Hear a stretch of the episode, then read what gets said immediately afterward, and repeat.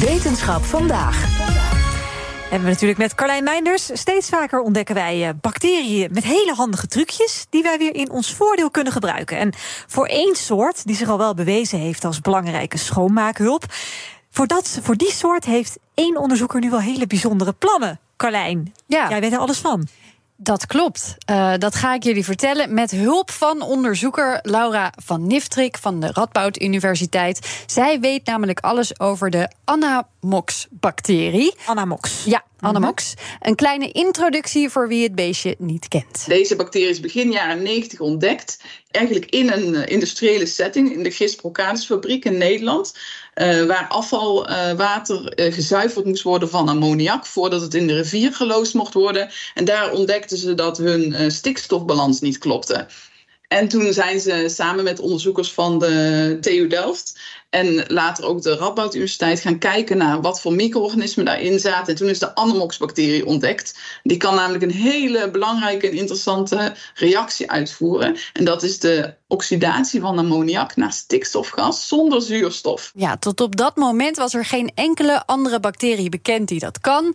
En dat maakte dit meteen een hele interessante vondst voor ons. In heel veel afvalwaterzuiveringsprocessen, zowel van gemeente afvalwater, dus gewoon wat wij door de wc spoelen, dat moet ook via de afvalwaterzuivering voordat het naar de rivier mag. Want dan moet ook ammoniak of stikstof dus uit verwijderd worden. Maar ook allerlei afvalwateren van de industrieën moet eerst gezuiverd worden eh, van stikstof. En dat kan met de Anamox-bacterie dus op een hele snelle en efficiënte manier veel makkelijker dan het daarvoor gedaan werd. Ja, dit heeft dus ook echt al geleid tot een toepassing. Op dit moment staan er acht afvalwaterzuiveringsinstallaties in Nederland. Ja. Waarin deze bacterie hiervoor ook wordt ingezet. Ja, maar de onderzoeker zei ook stikstofgas als eindproduct. Ja. Hoe, hoe zit dat? Ja, dat klinkt inmiddels misschien eh, problematisch, Ja. maar niet gevreesd. Deze vorm van het element stikstof, de gasverbindingsvariant, die is schadeloos, benadrukt Van Niftrik. De lucht die we inademen bestaat bijvoorbeeld ook voor bijna 80% uit stikstof. Ja, dat is dus ook niet schadelijk. Dus dat maakt niet uit. Nee, nee, nee, klopt helemaal. Dus ze eten iets waar we minder van willen hebben en ze produceren iets wat niet slecht is. Oké, dan zou je zeggen, perfecte bacterie moeten we overal hebben.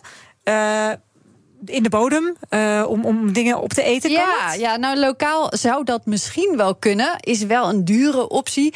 Maar hij zal ook niet overal even goed kunnen overleven. Dat beestje heeft ook zijn favoriete omgeving, Ja, zeg maar. Dus je moet het niet zo voor je zien dat je gewoon door heel Nederland hoopjes Anamox eh, gaat uitstrooien. Nee, ik dacht ook van, nou, superhandig voor Ja. een aanrecht schoonmaken en zo. Maar dat, zo, daar is hij dan weer niet handig voor. Oké, dus het blijft beperkt tot de afvalwaterzuivering. Ja, onderschat hem niet. Deze bacterie is echt bizar. Hij lijkt helemaal niet in wat hij kan op eh, bacteriën die ze ooit eerder zijn tegengekomen. Elk enzym dat ze nu nog in hem ontdekken is uniek en heel vreemd biochemisch gezien. Een van de trucjes is dus eh, dat hij ammoniak eet en daar stikstofgas van maakt. Maar dat is nog lang niet alles. In de cel is nog een tussenstap. En dan wordt ammoniak wordt namelijk eerst omgezet in hydrazine.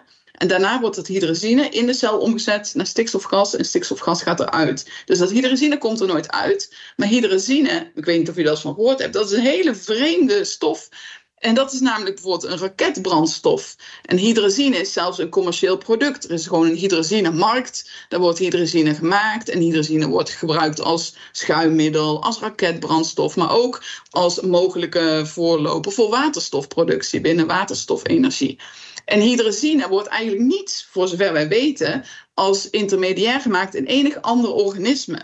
Maar in deze bacterie wel. Precies. En dat hij dit ook nog kan, dat zorgt er een beetje voor dat de fantasie van Van Niftrik terecht een beetje op hol slaat. Als ik dat enzym uit die bacterie haal en ik zou die dan buiten de context van de bacterie gebruiken om afvalwater te zuiveren van ammoniak en hydrazine te maken, gebruik ik eigenlijk een afvalproduct en maak daar een, een commercieel product van op een hele groene, energiezuinige manier. Ja, en of dat dan ook goedkoper is, dat moet ze nog uitzoeken. Daar is ze mee bezig. Maar het is in ieder geval een stuk energiezuiniger dan de chemische productie van hydrazine. Ja, en je kan er nog wat aan verdienen als je het eh, aan Elon Musk wil verkopen. Dat zijn raketten natuurlijk.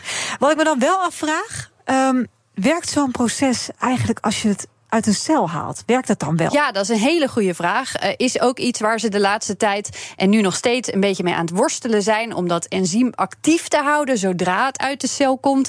Want in die cel zijn er allerlei andere interacties waar het onderdeel van uitmaakt. En beïnvloedt alles elkaar op die manier ook weer. Want eh, binnen de cel kunnen we de activiteit volgen. En als ik uit de cel haal, is die activiteit echt duizendmaal lager. Ja, precies om de reden die jij noemt. Dat er een hele keten aan reacties is. Dat houdt zichzelf helemaal in balans.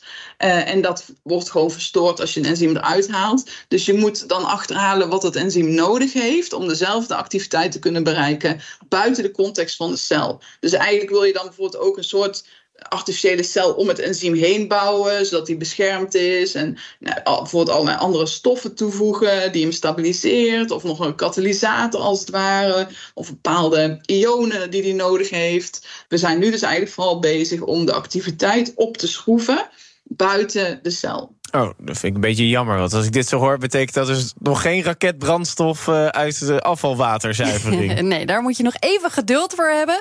Wat nog leuk is om te melden: Van Niftrik uh, kijkt voor haar onderzoek dus naar processen in cellen. Is expert op het gebied van de technieken die daarvoor nodig zijn. Dus het bekijken van structuren en interacties in die micro-organismen, die een duizendste van een millimeter zijn. En dat dan 3D in kaart brengen.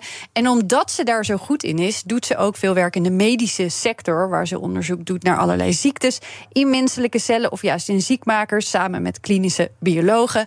Dat is een hele bijzondere combinatie met dat klimaatonderzoek, zeg maar. We hebben afgesproken dat we daar nog een volgende keer over gaan hebben. Mooi. Dankjewel, Carlijn.